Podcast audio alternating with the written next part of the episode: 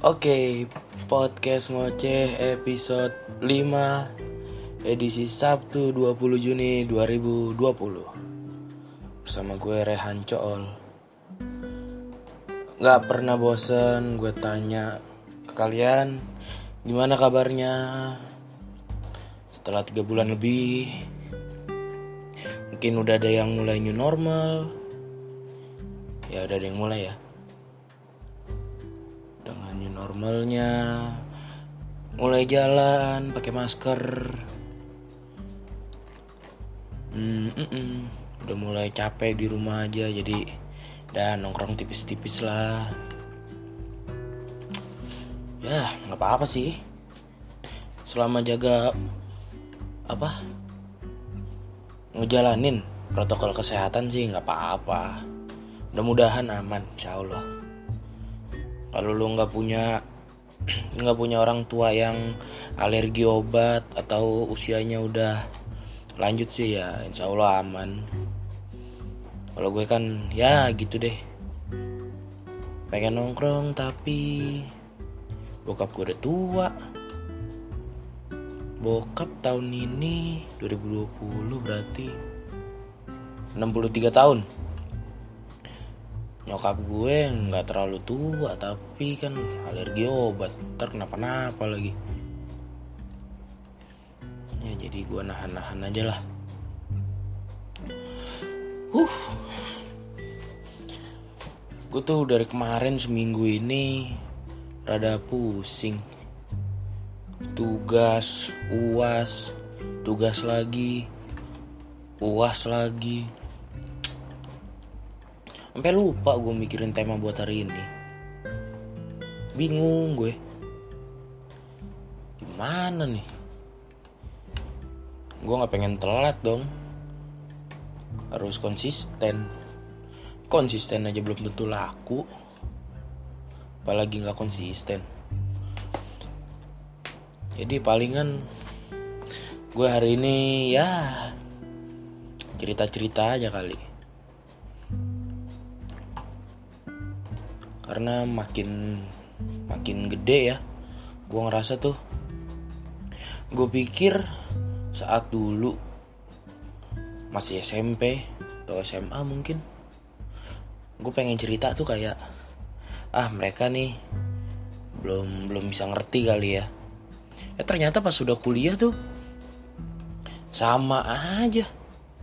Kalau yang nggak ngerti ya nggak ngerti kalau yang bisa ngertiin ya baru dia enak diajak ngobrol. Tapi ternyata udah sampai seumur gue gini masih ada orang-orang yang kalau gue cerita dia malah cerita balik. Capek juga gue ketemu orang-orang kayak gitu. Jadi gue jarang dapet wadah buat cerita aja. Nggak semua orang bisa gue ajak cerita. Ya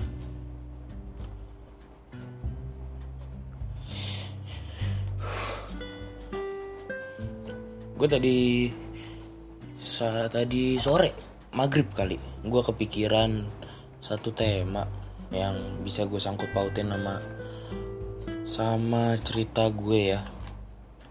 Yaitu adaptasi. Menurut gue dalam beberapa situasi ya adaptasi itu bukan pilihan loh. Adaptasi itu keharusan dalam beberapa situasi ya. Mungkin kadang-kadang lu bisa milih untuk beradaptasi dengan lingkungan atau lu pegang prinsip lu aja lu teguh sama pendirian lu. Lu juga mempertahankan idealisme lu. Tapi dari situasi yang gue hadapin dari dulu ya kayaknya gue jarang dapet pilihan berupa adaptasi. Adaptasi itu selalu hadir ke hidup gue dalam bentuk keharusan. Karena gue kalau nggak beradaptasi kayaknya gue nggak bakal sampai di titik ini sih.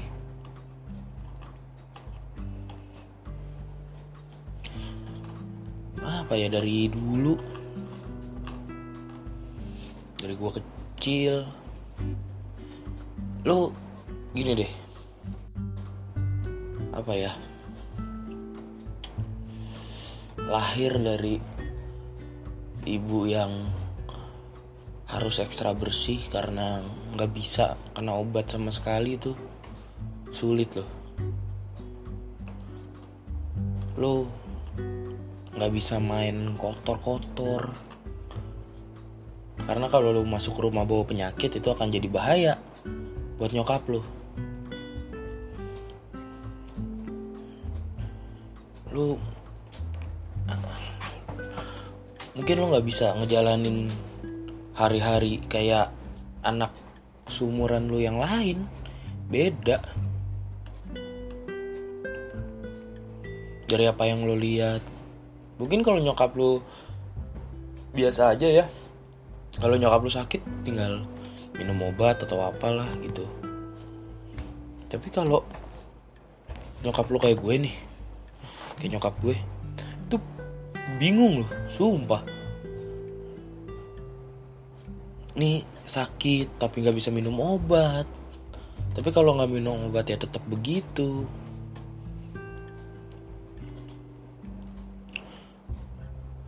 Dari kecil aja gue udah dikasih tontonan yang bukan tontonan sih tapi gue emang harus ngeliat itu gitu. Nggak. Ya gue sering ngerasa nggak adil juga dulu. Kenapa?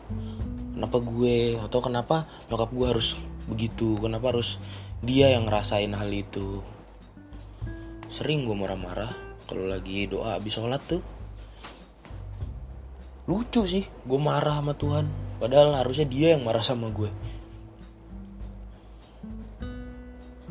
Dari hal-hal kayak gitu aja gue harus bisa beradaptasi. Gue mesti nahan-nahan main gue atau setiap habis main tanpa disuruh gue langsung ke kamar mandi mandi bersih bersih daripada nyokap gue yang sakit nanti ribet. Bahaya juga soalnya. Ya beranjak usia sekolah. Ya SD gini deh gue pengen nanya sama lo semua. Gimana rasanya lo jadi anak SD anak SD nih kelas 2 kelas 3 ya. Saat lo ulangan terus lo dapet 9 yang biasanya diucapin sama emak lo apaan sih? Kan ya harusnya ya selamat. Weh bagus gitu. Pertahankan ya. 9 ya ini 9 loh. Tapi kalau gue ngerasainnya lain yang pertama keluar dari mulut nyokap gue kalau gue pulang bawa kertas ulangan nilainya 9 aduh. Bukannya ditanya eh bukannya dibilang apa kayak gitu ya? Bagus pertahankan hebat. Yang pertama keluar dari mulut dia adalah kenapa nggak 100 kenapa nggak 10 SD itu kan masih 1 sampai 10 ya belum 100 kenapa nggak 10 gila. Mungkin dulu karena gue awalnya nggak pernah kesulitan belajar ya. Nggak pernah gue dulu kesulitan belajar. Kesusahan tuh nggak pernah sama sekali nggak pernah. Waktu SD selalu ranking selalu apa. Jadi gue ngerasa tuh biasa aja. Gue pikir ya ya harusnya gue bisa 100 gitu. Harusnya gue bisa 10 tapi karena gue ceroboh selalu pasti ada yang salah satu atau dua. Jadi gue lebih sering dapat nilai 9 kan. Dan nyokap gue juga nggak pernah berubah pernah sekalinya gue udah mulai ngeh gue udah mulai ngerti ya kalau ternyata dapat nilai 9 itu nggak segampang yang gue rasain. Teman-teman gue tuh banyak yang struggle banget dulu buat bisa dapat nilai 9 dan gue ngeliat temen gue dipuji sama maknya depan mata gue waktu dia dapat nilai 8 padahal gue dapat nilai 9 gitu. Dia yang dapat nilai 8 dipuji sama nyokapnya dibilang bagus atau apa tapi gue pas pulang rumah dengan nilai 9 dibilangnya kenapa nggak 10 gue mulai nanya dong gue udah mulai kritis. Gue udah mulai kritis sama nyokap gue gue tanya dia tuh. Gue mulai beraniin diri nanya sama nyokap gue mah yang dapat 9 Bang Re doang loh. Ya gue di rumah dipanggil Bang Re ya. Karena gue punya sepupu cewek-cewek kecil-kecil lebih kecil daripada gue semuanya jadi gue dipanggil Bang di rumah. Bang Re cuma cuma satu loh yang dapat 9 dan itu Bang Re gitu. Gue bilang gitu kan sama nyokap gue. Gue cerita kalau teman-teman gue tuh cuma dapat 8, 7, 5 gitu dan gue bisa dapat 9 sendirian nih 9 yang keluar dari mulut nyokap gue ya lagi-lagi bukan yang gue harapin.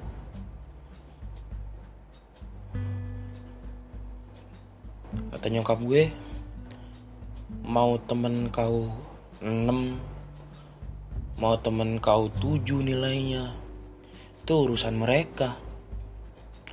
Nilai kau ya nilai kau mama cuma ngeliat nilai kau. Lengkap gue orang Palembang nih. Ya lumayan. Keras juga. Nilai kau ya nilai kau. Oh ya udah. Saat itu gue belum bisa ngelakuin banyak hal. Jadi mau nggak mau seperti yang gue bilang gue nggak dikasih pilihan.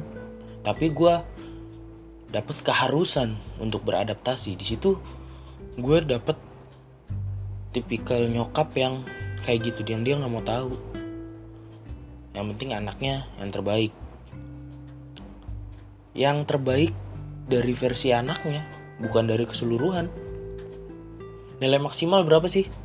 10 ya berarti anaknya masih 10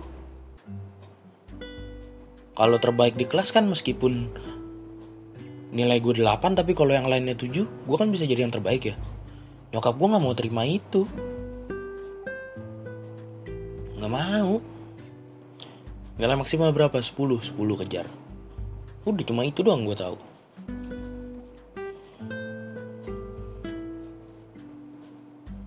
Gue sampai nggak nggak ngerasain esensinya dapat nilai bagus loh.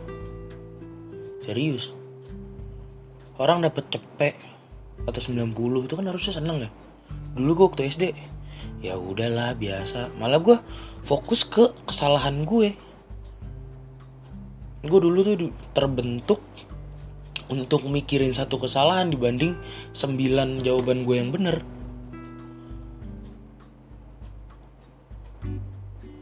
Gue lupa kayaknya gue pernah deh minta perbaikan gitu biar nilai gue bisa jadi 100 tapi sama guru gue nggak dikasih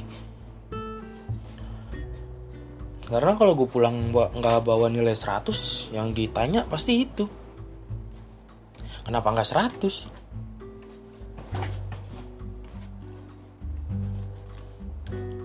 nyokap gue nggak mau tahu. Nah itu dari segi sekolah tuh ya. Internal gue di rumah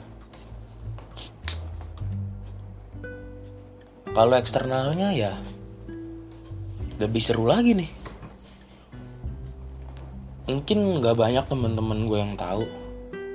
Kalau gue tuh dalam enam tahun waktu sekolah dasar gue gue bersekolah di tiga sekolah. Gue pernah sekolah di tiga sekolah yang berbeda dan di daerah yang berbeda pula. Gue kelas 1 sampai kelas 4 Gue masih tinggal di Depok Di Cimanggis. Gue sekolah di SD Negeri Sukatani 4 Iya Sukatani 4 Dan semester 2 nya Karena kerjaan bokap pindah jadi gue mesti ngikut gue ke Cikampek Kerawang gue dari sekolah negeri di sana gue sekolah SDIT sekolah dasar Islam terpadu. Hmm, kata gue cakep nih. Baru masuk ditanya udah apa sampai surat apa? Gue bilang Alfil bu. Bocah-bocah sepantaran gue kelas 4 semester 2 tuh udah bisa ngapal surat yang 40 ayat 22 ayat 45 ayat. Astagfirullah kata gue gue Alfil aja masih lupa-lupa. Ya mau nggak mau. Tuh gue udah di situ. Sekali lagi adaptasi nggak datang ke gue sebagai pilihan tapi keharusan. Karena kalau gue nggak beradaptasi di lingkungan yang baru teman-teman yang baru gaya belajar yang baru tapi nyokap gue di rumah tetap sama. Yang dia nggak mau tahu anaknya masih dapat 10 mau nggak mau gue beradaptasi. Menjadi keharusan untuk gue beradaptasi. Biar gue bisa tetap nilainya bagus. Gak gampang loh. Di lingkungan yang baru tapi lo bisa ngambil ranking 2 atau ranking 1 buat yang gak tahu dulu tuh gue pinter banget luar biasa loh saya itu. Emang setelah SMA aja baru. Nanti gue ceritain deh kenapa SMA gue bisa berantakan. Itu luar biasa. Sampai ada temen emaknya nyuruh dia belajar di rumah gua. Diajarin sama gua. Kan gila. Gua anak SD suruh ngajarin sesamanya. SMP tutor sebaya masih masuk akal ya. SMA tutor sebaya tuh masih masuk akal bocah SD gila. Gue mesti ngajarin. Ya udah kita ngerjain bareng. Ujung-ujungnya main PS nggak jadi belajar.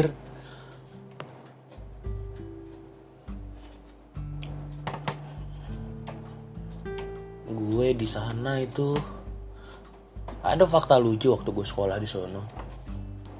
Gue tuh bener-bener baru ngerasain dan gue nggak nyangka gue bakal ngerasain itu. Dari dulu gue tinggal di Depok tuh gue sering udah sering denger tuh jalur pantura jalur pantura.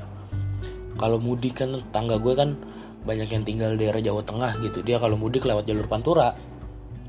Eh terus gue pindah ke Kerawang.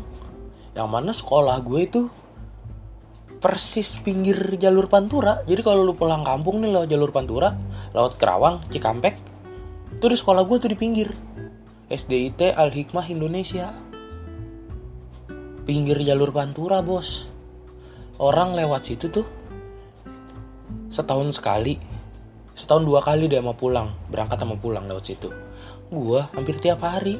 Cuma minggu doang gua ngelewat situ jarak rumah gue sama sekolah itu 10 kilo kadang naik jemputan kadang gue naik angkot kadang berangkat naik jemputan pulang naik angkot. 10 kilo. Turun di pasar habis dari pasar naik ojek atau naik beca ke dalam komplek. Gue anak yang rumahan jarang main. Seperti yang gue bilang gue nggak bisa ngerasain kayak anak-anak lain. Nyokap gue terlalu khawatir kalau gue main keluar-keluar terus bawa penyakit ke rumah tuh.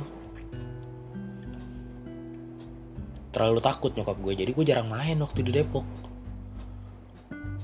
Terus di Cikampek nyokap gue juga nggak nggak bisa berbuat apa-apa lagi emang harus begitu.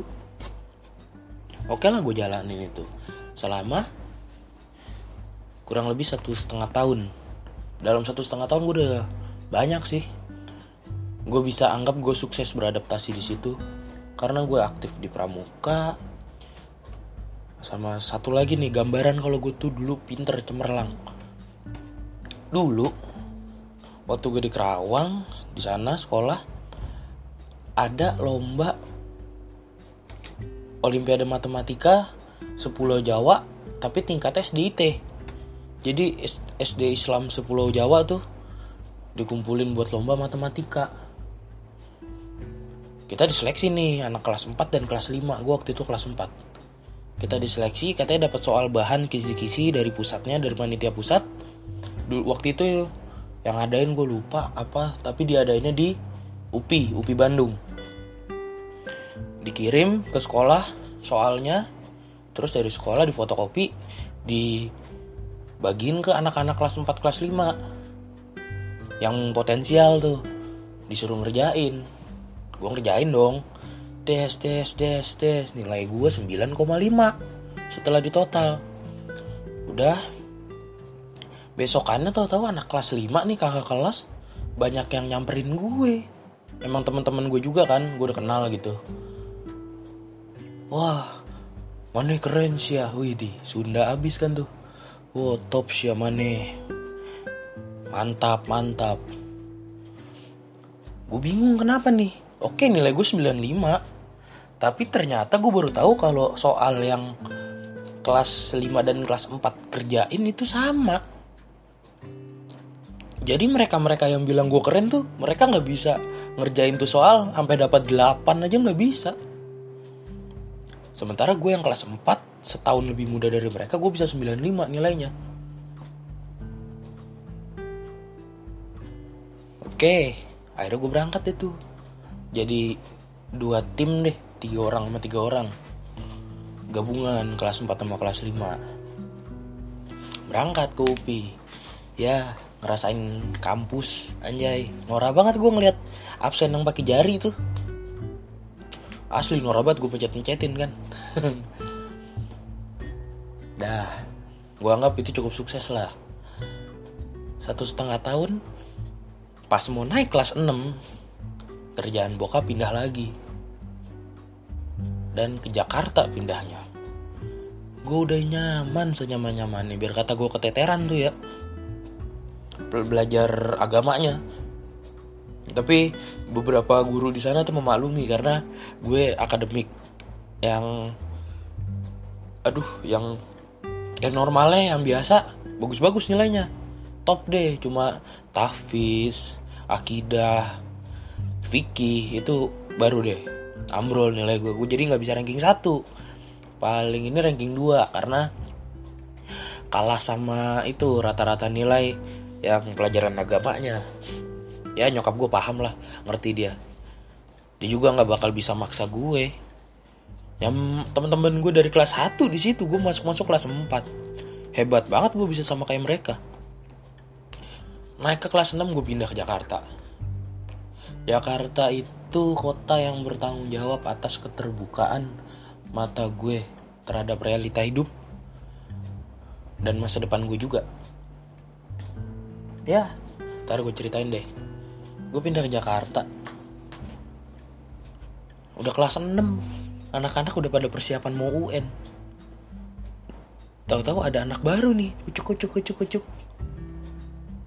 Masuk. Idih, dia tahu gue dari daerah lagi kan dari Cikampek susah banget gue pinter lagi pada sirik terus gue belum mengenal apa ya mengenal adab-adab sosial kayak kalau ada soal tuh kalau keseringan ngacung tuh nggak enak gitu nggak enak dilihat. Nggak ngasih kesempatan buat yang lain gitu terlalu aktif kayak caper jatuhnya tuh gue nggak tahu tuh dulu. Yang di kepala gue cuma nyokap gue pengen gue jadi yang terbaik jadi gue sebisa mungkin gue ngacung ngacung ngacung. Ini sulit banget itu dimusuhin diceng-cengin lah apalah. Uh tapi tetep. Sampai mau lulus gue ranking ranking 2 dan katanya kata guru gue bilang dia minta maaf sama nyokap gue katanya. Ehm, maaf ibu ini nggak bisa gue nggak bisa ranking satu katanya. Oh kenapa karena ada satu anak nih yang ya dia di situ dari kelas 1 ya terus dia emang paling pinter gitu kan. Dan orang tuanya apa sih donatur apa? Gue nggak ngerti deh sering nyumbang apa gimana gitu. Terus kalau tiba-tiba gue ditaruh rankingnya di atas dia nih padahal bisa gitu. Wah itu bakal repot deh bakal nggak enak jadinya. Oh ya udah kata nyokap gue masih ranking 2 ini kan. Terus kita tahu kenyataannya kayak gitu. Ya udahlah nyokap gue terima-terima aja. Ya. Coba deh. Gue gue berani ngadu kalau soal ini. Anak seumuran gue dalam enam tahun sekolah SD nih siapa? Mana coba? Ada berapa orang yang pernah ngerasain tiga sekolah dengan tiga budaya yang berbeda di tiga tempat yang beda banget. Gue di kota Depok yang ya kayak kabupaten tapi zaman gue Cimanggis tuh belum kayak sekarang. Sekarang udah mantep. Zaman gue ya masih sederhana aja gitu. Lampu masih pada kuning, jalan bolong-bolong. Tapi nggak desa banget terus gue pindah ke Cikampek yang mana yang pertama gue lihat nenek-nenek masih masak pakai kayu bakar. Itu gila. Daerah banget gitu. Kawasan industri. Debu. Kalau lo nonton Naruto ya sekarang sih yang lebih tenar tuh yang kayak Sunagakure desanya Gara pasir. Itu kan Bekasi ya. Kalau dulu di kepala gue desa pasir desa angin tuh Cikampek. Itu gersang setengah mati. Cuma aspal. Cor-coran pasir batu. Udah gitu doang. Panas setengah mati itu di Cikampek di Kerawang. Dengan budaya yang seperti itu mereka pada ngomong Sunda gue nggak ngerti. Baru belajar jadi orang daerah tiba-tiba pindah ke ibu kota. Yang udah jelas-jelas beda banget. Ibu kota men. Semuanya beda. Anak-anaknya gaya belajarnya tipe pendidiknya guru-gurunya beda semua. Cara gaulnya juga beda mau nggak mau beradaptasi lagi. Gue nggak bisa milih. Gue harus beradaptasi.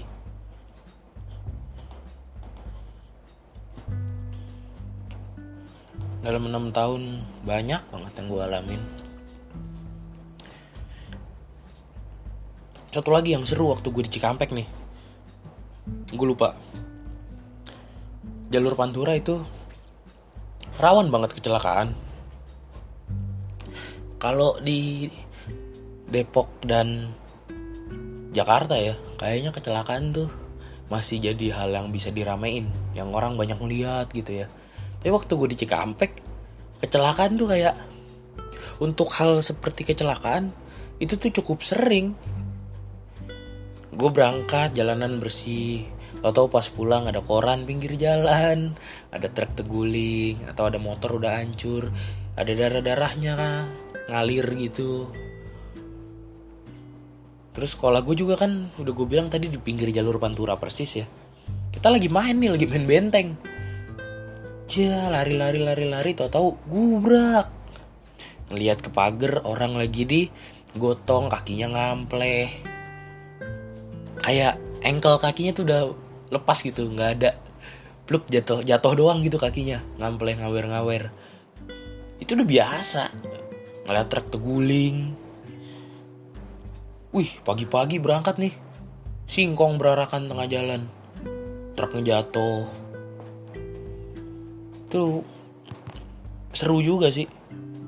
Ya bukan seru cuma gue baru aja gitu ngalamin hal-hal kayak gitu tuh. Baru di sana.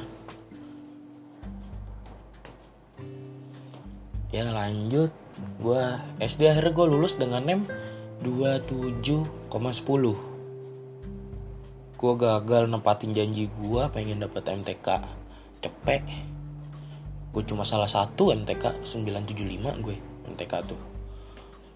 Bahasa Indonesia gue yang jelek 8 beberapa gitu deh.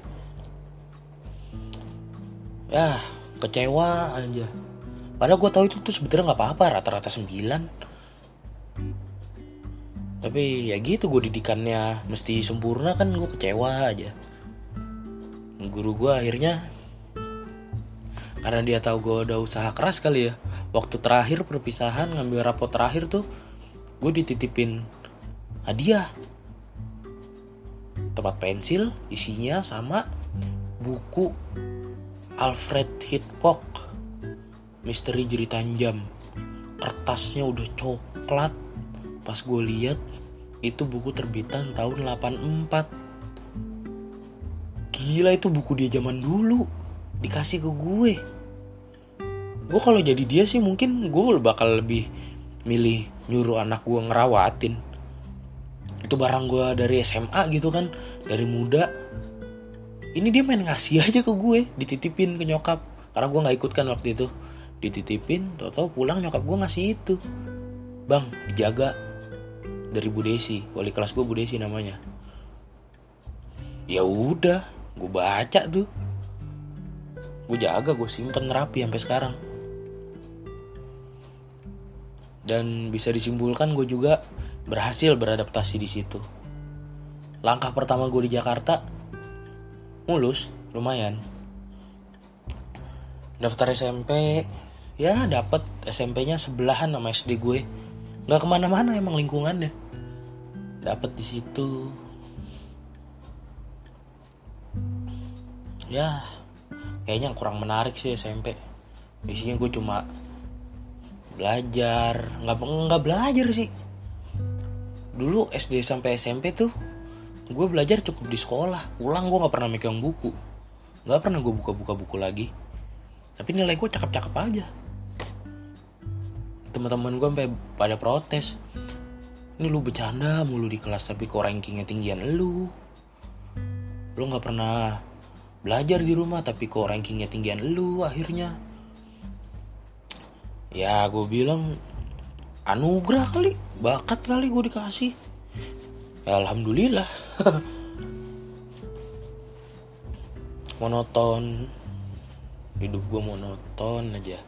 Ikut osis ikut ekskul pacaran lumayan tuh. SMP gue dapet pacar. Awet sampai lulus. Sampai lulus SMP masih. Dah masa SMP lewat. Gitu aja udah lewatnya. Nyantai.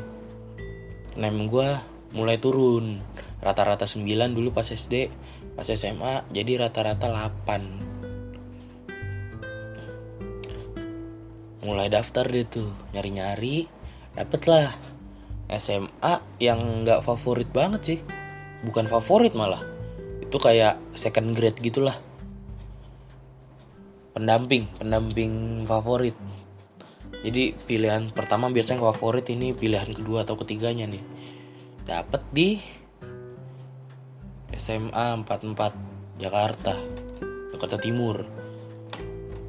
Ya kayaknya langkah gue juga cukup bagus di situ. Dari pertama ngumpul sama anak-anak kelas sama wali kelasnya disuruh bikin ketua kelas. Hmm, pada diem aja ngumpul pada diem nggak ada yang berani ngomong. Ya gue ngambil omongan duluan. Eh gimana nih gini gini gini siapa mau jadi ketua kelas? Mereka dengan kompak tanpa perlu dikomandoi udah lu aja. Ih gila tau gitu gue nggak ngomong kan. Tapi ya gimana masa mau diem gitu? Untuk info juga gue 6 tahun sekolah SD tuh gue nggak jadi ketua kelas. Cuma kelas 4 pas baru pindah. Sama kelas 6 cuma 2 tahun gue nggak jadi ketua kelas. Waktu SMP gue kelas 7 kelas 8 jadi ketua kelas kelas 9 enggak. Waktu SMA gue 3 tahun jadi ketua kelas. Dan kegiatan-kegiatan pramuka gitu-gitu gue pasti jadi ketua regu. Memimpin tuh kayak udah jadi budaya di hidup gue kayak kewajiban. Mesti mesti tampil mesti tampil. Doktrin juga tuh doktrin dari keluarga juga. Udah lah akhirnya gue SMA 3 tahun jadi ketua kelas SMA nih gue milih IPA baru nih gue mau mulai cerita kenapa gue bisa milih IPA ini yang menarik. Dari tadi kan gue cerita cuman harus dapat 9 harus dapat eh harus dapat 9 harus dapat 10 harus sempurna lah gitu. Karena nyokap gue tuh mempersiapkan gue untuk jadi pilot tadinya gue punya kakak sepupu lulusan STPI Curug dan dia udah jadi kapten senior gitu deh di Sriwijaya. Sampai sekarang masih aktif. Dia mendukung gue. Jadi bakat-bakat gue nih di SD yang nggak pernah keluar dari ranking 5 paling jelek 4 waktu itu gue itu teracak tuh sama dia tuh. Terlacak dan dia dia bilang sama nyokap bokap gue tuh untuk mempersiapkan gue nyusul dia ke STPI Curug jadi pilot. Dulu tuh di kamar gue tuh isinya foto kokpit gede. Kayak apa ya? Lo kalau pernah ngaji ya ngaji bocah-bocah gitu terus ada papan tulis. Nah fotonya tuh segitu. Papan tulis ngaji. Foto kokpit Boeing 747 sama Boeing 737 itu dipasang di kamar gue itu nggak taunya doktrinnya tuh buat ke sana. Gue juga dulu nggak punya tujuan. Gue yang gue gue pengen capai cuma nyokap gue nggak marah aja kalau gue pulang bawa nilai ujian. Mesti bagus aja nilai gue gue nggak punya tujuan hidup dulu cita-cita nggak punya. Cuma taunya kalau ditanya orang pengen jadi apa jadi pilot berarti nilai harus bagus. Sudah gitu doang. Gue dulu dokter jadi pilot bahkan sebelum gue tahu pilot itu ternyata cuannya gede bos. Gue cuma nganggap kayaknya itu yang terbaik ya udah gue jalanin aja. Tapi namanya itu pilihan bukan dari hati ya. Jadi ya udah bablas aja ngeplong aja kayak nggak ada sesuatu yang gue kejar gitu di dari hati gitu ya. Bukan keinginan gue SD SMP sukses. Sampai SMA gue masih belum punya tujuan hidup. Gue gue jalanin apa adanya aja. Dan di SMA itu pertama kali gue ngerasain susah belajar.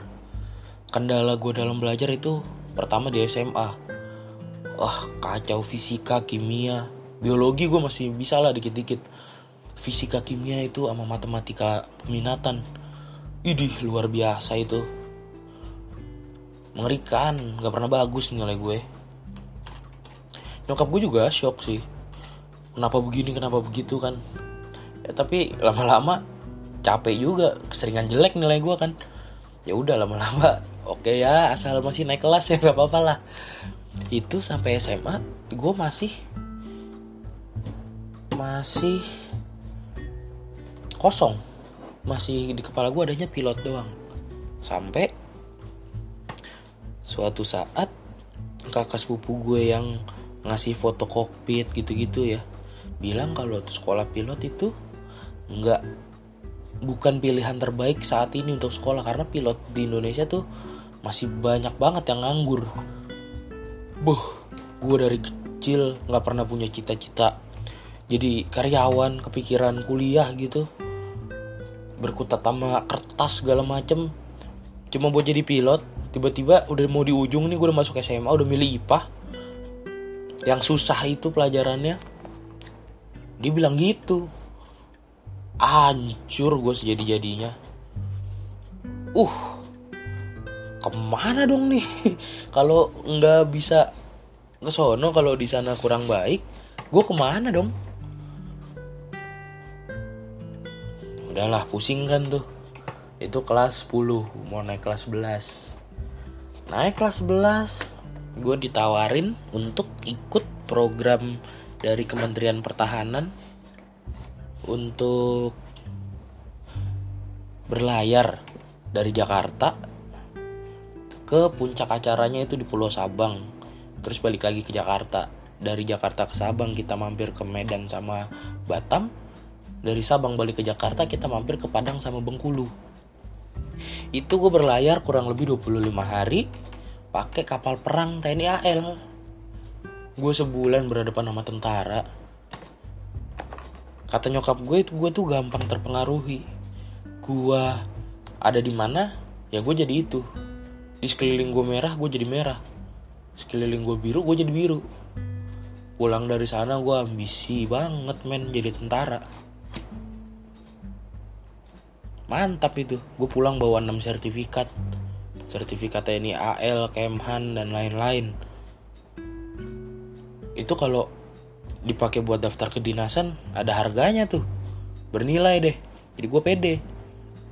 Ambisi dong. Kebetulan IPA kan harus IPA kalau untuk masuk akademi angkatan laut kan. Taruna-taruna tuh yang pinggangnya pada kecil-kecil banget itu harus IPA ya udah gue udah IPA nih. Latihan aja latihan. Push up mulu tiap hari. Tapi belajarnya blow on. Nilai-nilai gue sama aja tetap rendah kan. Pulang dari sana tetap rendah nilai gue nggak nambah. Cuma badan gue kurus tangan gue berisi. Jadi gitu doang karena latihan kan.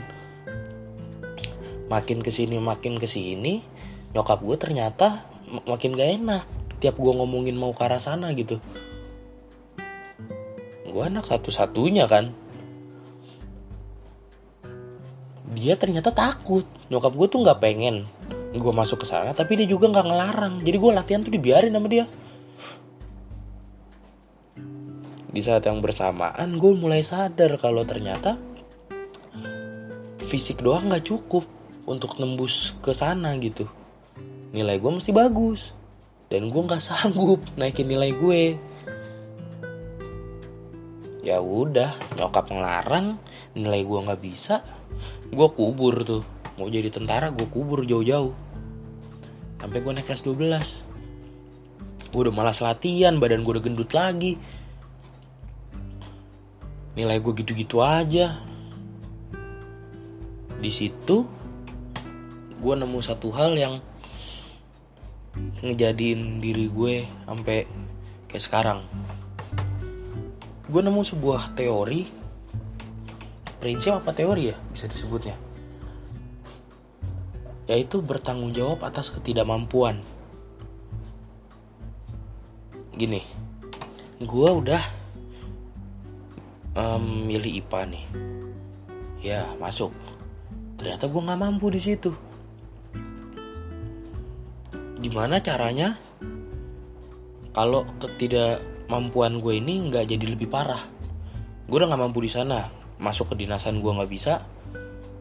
Mau kuliah IPA juga gue goblok. Jangan kan buat kuliah di teknik atau apalah IPA IPA arsitektur dan lain-lain gitu ya.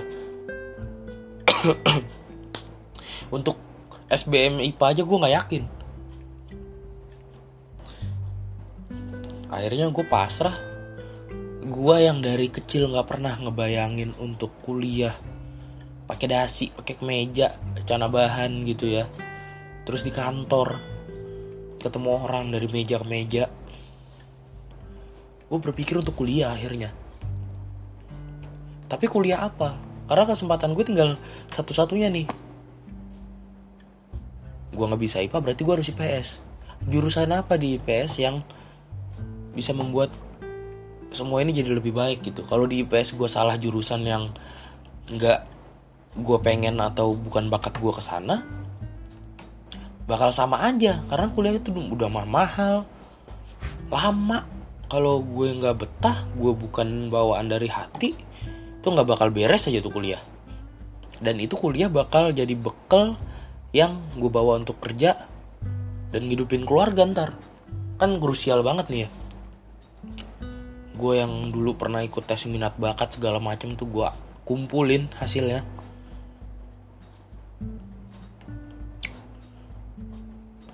Gue lihat sekolah apa gue yang cocok. Dari tiga iya tiga tiga hasil tes tuh irisan besarnya adalah hukum ilmu politik hub, apa ilmu komunikasi dan hubungan masyarakat ya sama psikologi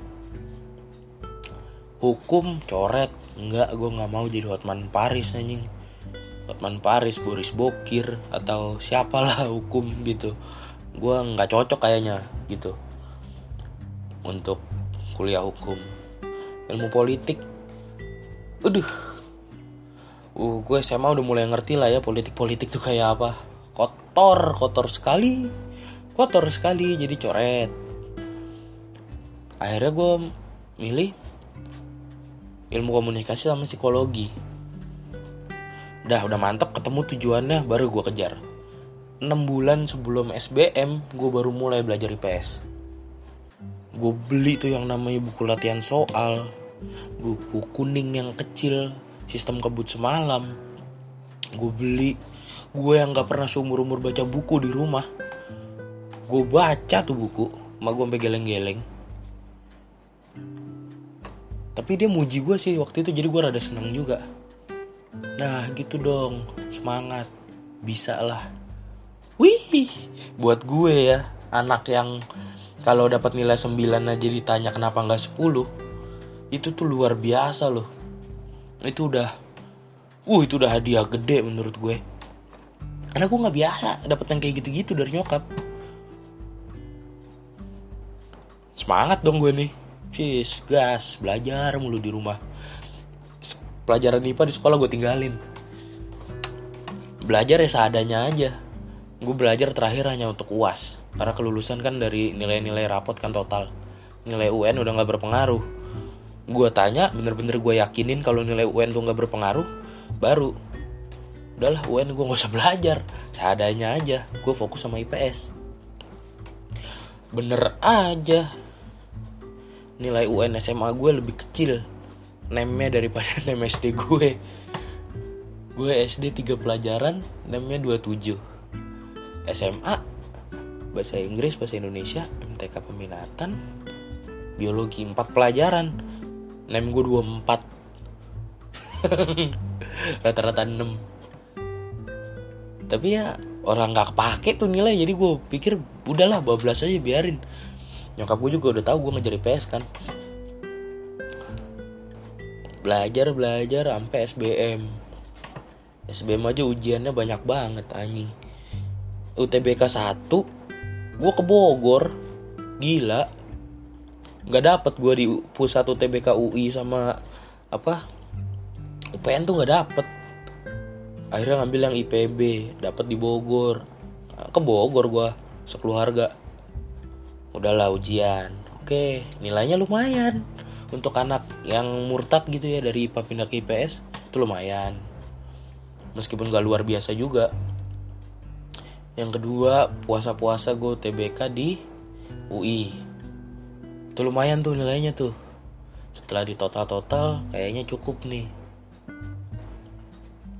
Baru deh gue ngambil tuh psikologi UNJ sama ilkom UNJ ya gue pikir udah tinggal dua itu doang kan yang gue gue bakat di sana gitu.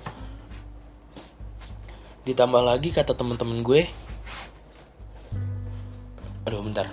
Minum dulu.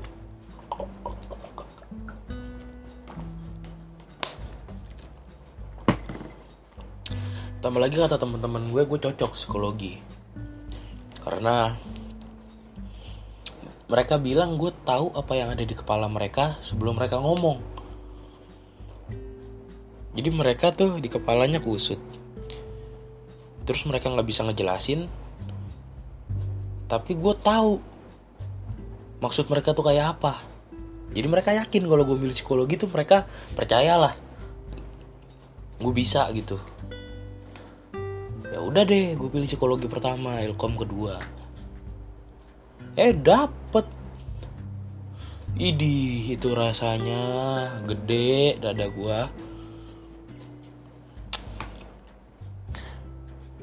Sampai di akhir SMA aja gue harus beradaptasi tuh.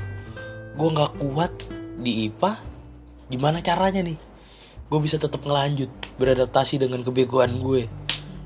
Gue belajar IPS dan dapat berhasil. Sekali lagi gue berhasil beradaptasi itu nyokap gue udah nggak pakai ngomong apa-apa lagi udah. Nangis aja. Gue dipeluk sama gue nangis. Mereka udah nggak nanya tuh. Kok nggak dapet UI wuh bener-bener. Kalau sampai digituin wah dapet UNJ kok nggak UI waduh gue nggak tahu mesti ngapain lagi tuh. Udah dah gue mending nyembah pohon aja dah kalau kayak gitu. Untung bahagia karena nyokap gue juga nggak mau gue jauh-jauh kan dia belum percaya kalau gue ngkos jadi ya udah UNJ aja bisa pulang pergi. Gue kan tinggal di Duren Sawit lah deket. Romangun mah. Udah gitu kan. Untuk kesekian kalinya gue berhasil. Uh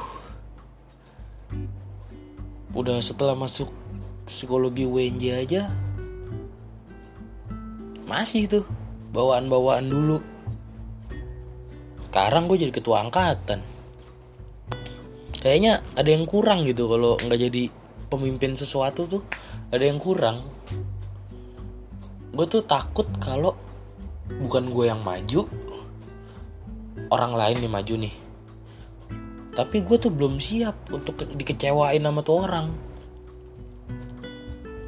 Itu egois banget sih emang karena gue juga belum tentu bisa jadi yang terbaik kan. Belum tentu juga gue nggak bakal ngecewain orang. Tapi gue nggak mau dikecewain sama orang. Gue belum siap untuk menerima. Kayak gini loh. Gue nggak naik nih. Nggak naik jadi ketua apa pun gitu deh. Terus orang lain yang jadi ketuanya. Tiba-tiba kinerja dia nggak terlalu bagus. Gue bilang eh harusnya lu gini-gini atau lu kenapa nggak coba begini kalau dia orang yang nggak enak bisa aja keluar. Ya gue bisa yang begini coba lu dong di sini. Gue nggak mau begitu. Jadi sebelum gue disuruh untuk gantiin orang jadi pemimpin gue jadi pemimpinnya sekalian gitu. Meskipun kayaknya banyak masalah juga nih di angkatan gue tapi ya seenggaknya gue nggak konflik batin lah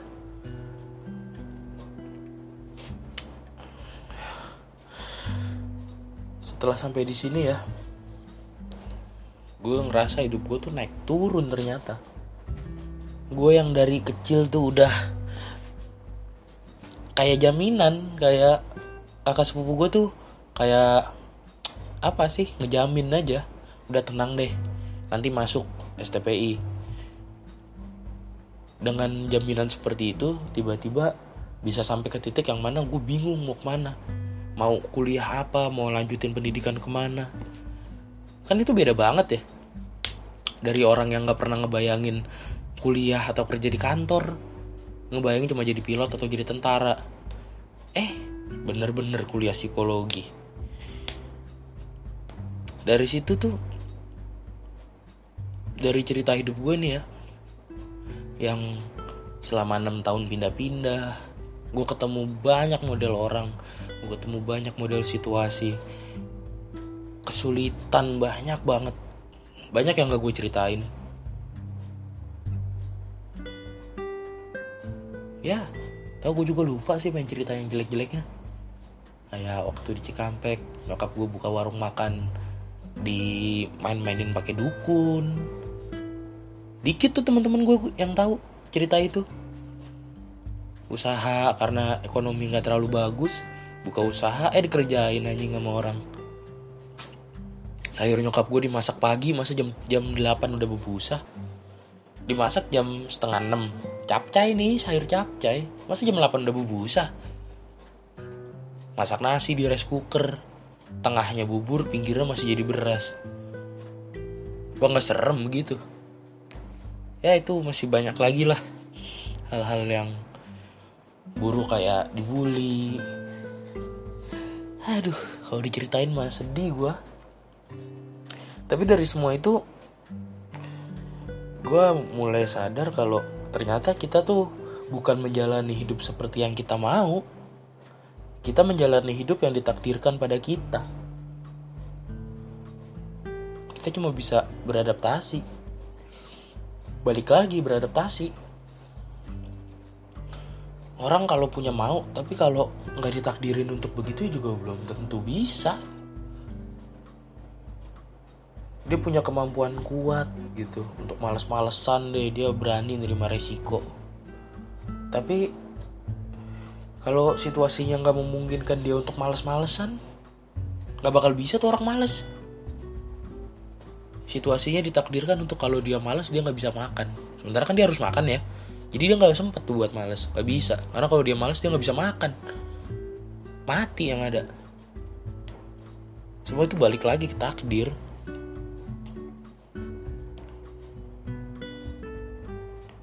Dan hidup itu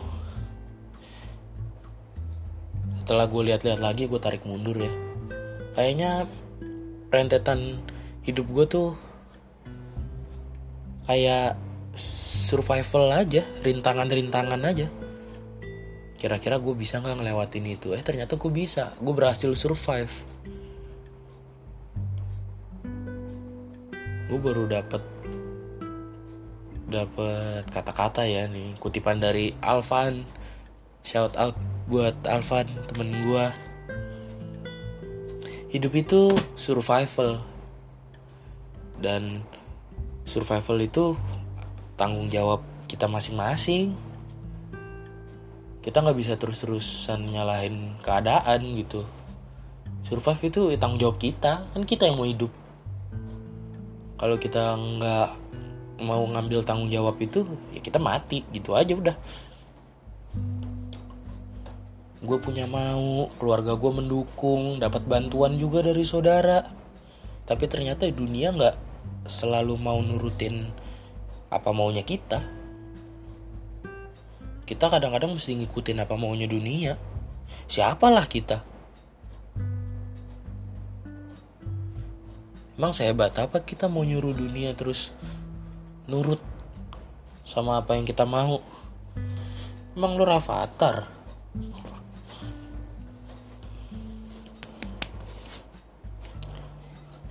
mungkin buat lo yang dengerin ya uh, lo beberapa kali ketemu situasi untuk beradaptasi tuh dalam bentuk pilihan. Bukan kayak gue yang berupa keharusan tapi di beberapa beberapa keadaan kayak yang gue alamin tuh lo nggak punya pilihan lain selain beradaptasi. Kalau gue nggak berhasil survive nggak kalau gue nggak adaptif ya saat itu gue nggak tahu gue sekarang kayak apa. Nggak bakal jadi mahasiswa kali gue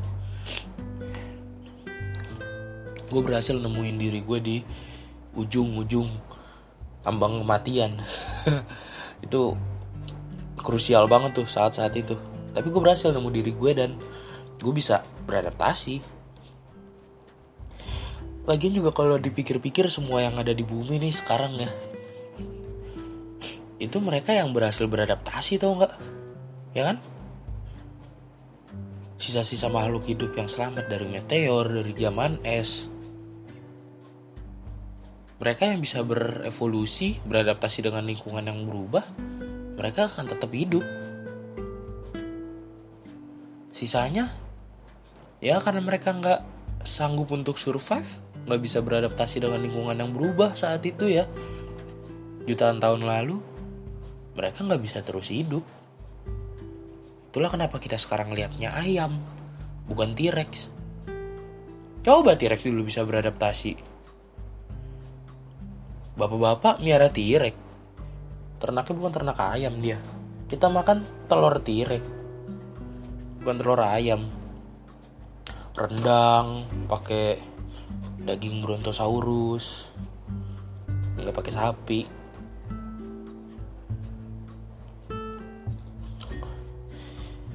Ya.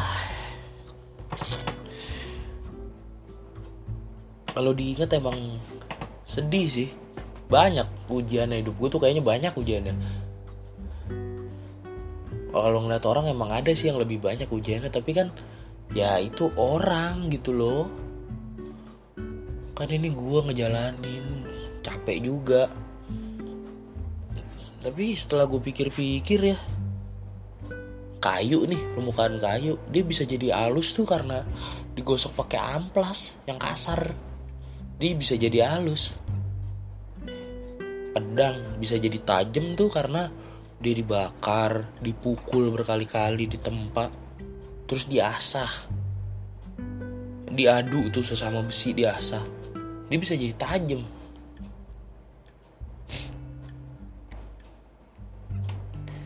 Dan gue sini nganggep tuh masalah-masalah yang datang di hidup gue tuh ya si amplas dan asahan ini. Itu bikin gue jadi lebih halus bikin gue jadi lebih tajam juga.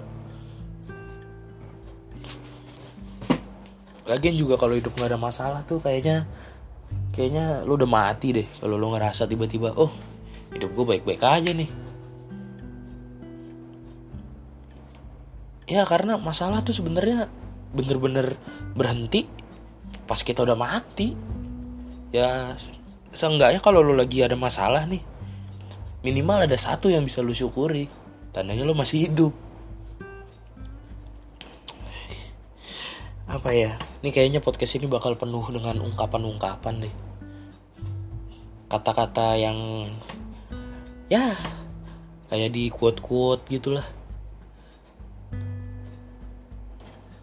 kalau gue anggap masa lalu gue tuh kayak samudra ya lautan gitu.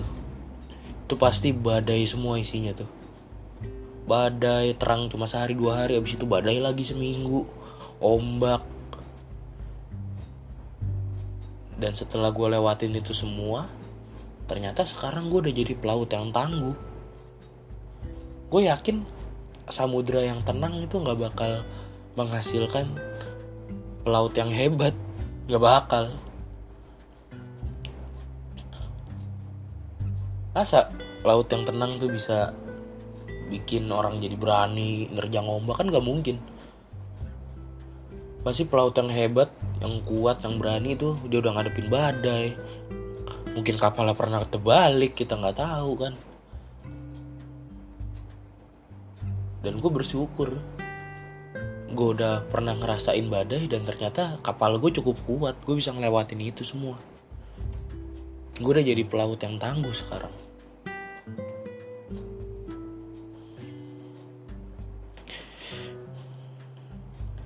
Belakangan ini gue banyak ngeliat apa karena efek pandemi gue nggak ngerti ya. Gue banyak ngeliat orang yang sifat asli mulai keluar kan kita manusia ini pada dasarnya animalia ya. Kita binatang kan. Ini sifat binatangnya mulai keluar nih. Egoisme gitu-gitu. Dia menganggap kalau dunia tuh harus bisa selalu ngikutin dia. Padahal nggak nggak selalu men. Gue gue ngeliat orang yang kayak gitu ya. Terus gue berkaca sama diri gue gue banyak kan diem kalau ketemu orang gitu karena ya percuma gue mau ngomong juga nih dia belum pernah ngerasain apa yang gue rasain. Mungkin hidupnya kurang pahit. Ya gue nggak tahu sih. Mungkin dia justru pernah ngalamin yang lebih pahit jadi dia begitu kan. Tapi apa ya? Harusnya tuh menyelesaikan sebuah masalah itu membuat lo lebih dewasa sih. Kalau lo masih kanak-kanakan gue rasa lu masih terlalu sedikit nyelesain masalah. Belum lu belum banyak nyelesain masalah berarti. Kalau lu masih kekanak-kanakan masih egois segala macam gitu. Uh ya pokoknya di podcast kali ini gue bukan pengen apa ya pamer kesedihan. Ya masa kesedihan dipamerin? Apa ya? Bukan cuma pengen nunjukin gitu loh kalau gue pernah susah. Tapi gue pengen lu, lu pada tuh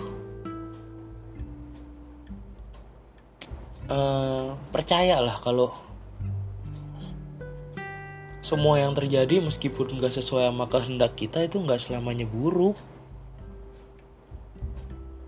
Gue pernah punya guru yang dia bilang gini ke gue nasi udah jadi bubur gak bisa kamu ubah lagi jadi nasi tapi kamu bisa cariin cakwe dan ayamnya ditambah kecap biar nasi yang udah jadi bubur tetap enak untuk dimakan.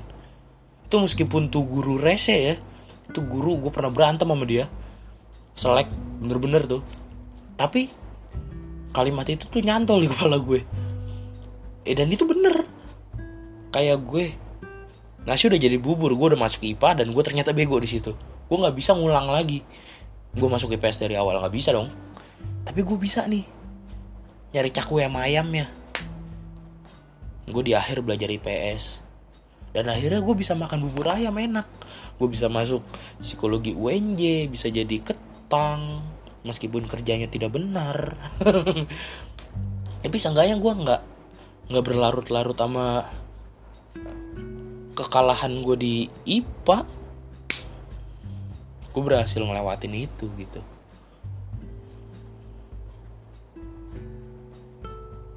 Gue nggak tahu kenapa makin gede teman-teman gue makin banyak yang sering mengeluh beberapa ya ada yang makin dewasa ada yang dia bisa berdamai dengan dirinya berdamai dengan keadaan. Ada yang dia masih berusaha aja ngejar jati dirinya mungkin karena hidupnya terlalu nyaman gue nggak ngerti. Gue nggak tahu nih gue bakal terlihat atau terdengar kayak orang ngomel-ngomel yang kayaknya hidupnya susah banget. Terus dia kayak membenci semua hal gitu. Tapi ya gue rasa itu perlu gue sampein. Lu tuh perlu perlu ngalamin masalah sih untuk bertumbuh. Agak lucu kalau lu bisa bertumbuh tanpa menyelesaikan sesuatu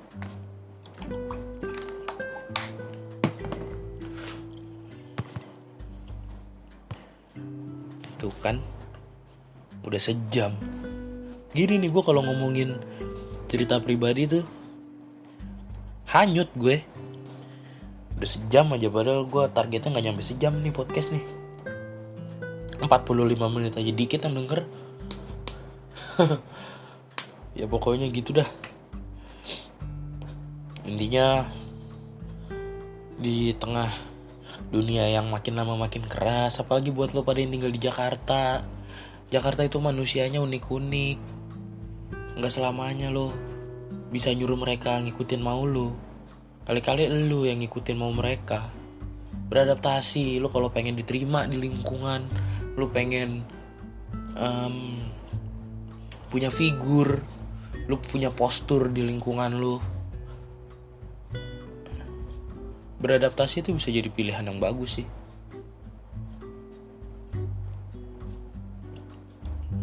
Nih contoh bucin-bucinannya aja nih. Lu punya lu sayang sama cewek. Cewek lu nih pacar lu. Tapi dia pala batu.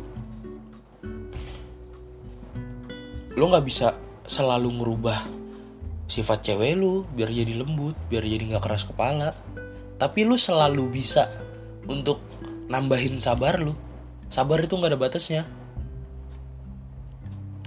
Lo kalau ngerasa dunia luar nggak nggak apa ya nggak sesuai sama yang lu pengen coba deh lu berhenti dulu lu tengok diri lu apa yang bisa lu ubah biar lu bisa sesuai sama dunia di luar sana.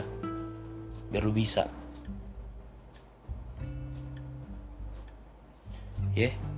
paham ya? Udahlah kita udahin aja nih. Anjay udah sejam. Mantap. Sampai jumpa deh di podcast edisi selanjutnya. Ya mudah-mudahan gue bisa tetap konsisten deh. Uh. Gue Rehan Col cabut. Sayangi diri kalian karena kalian berharga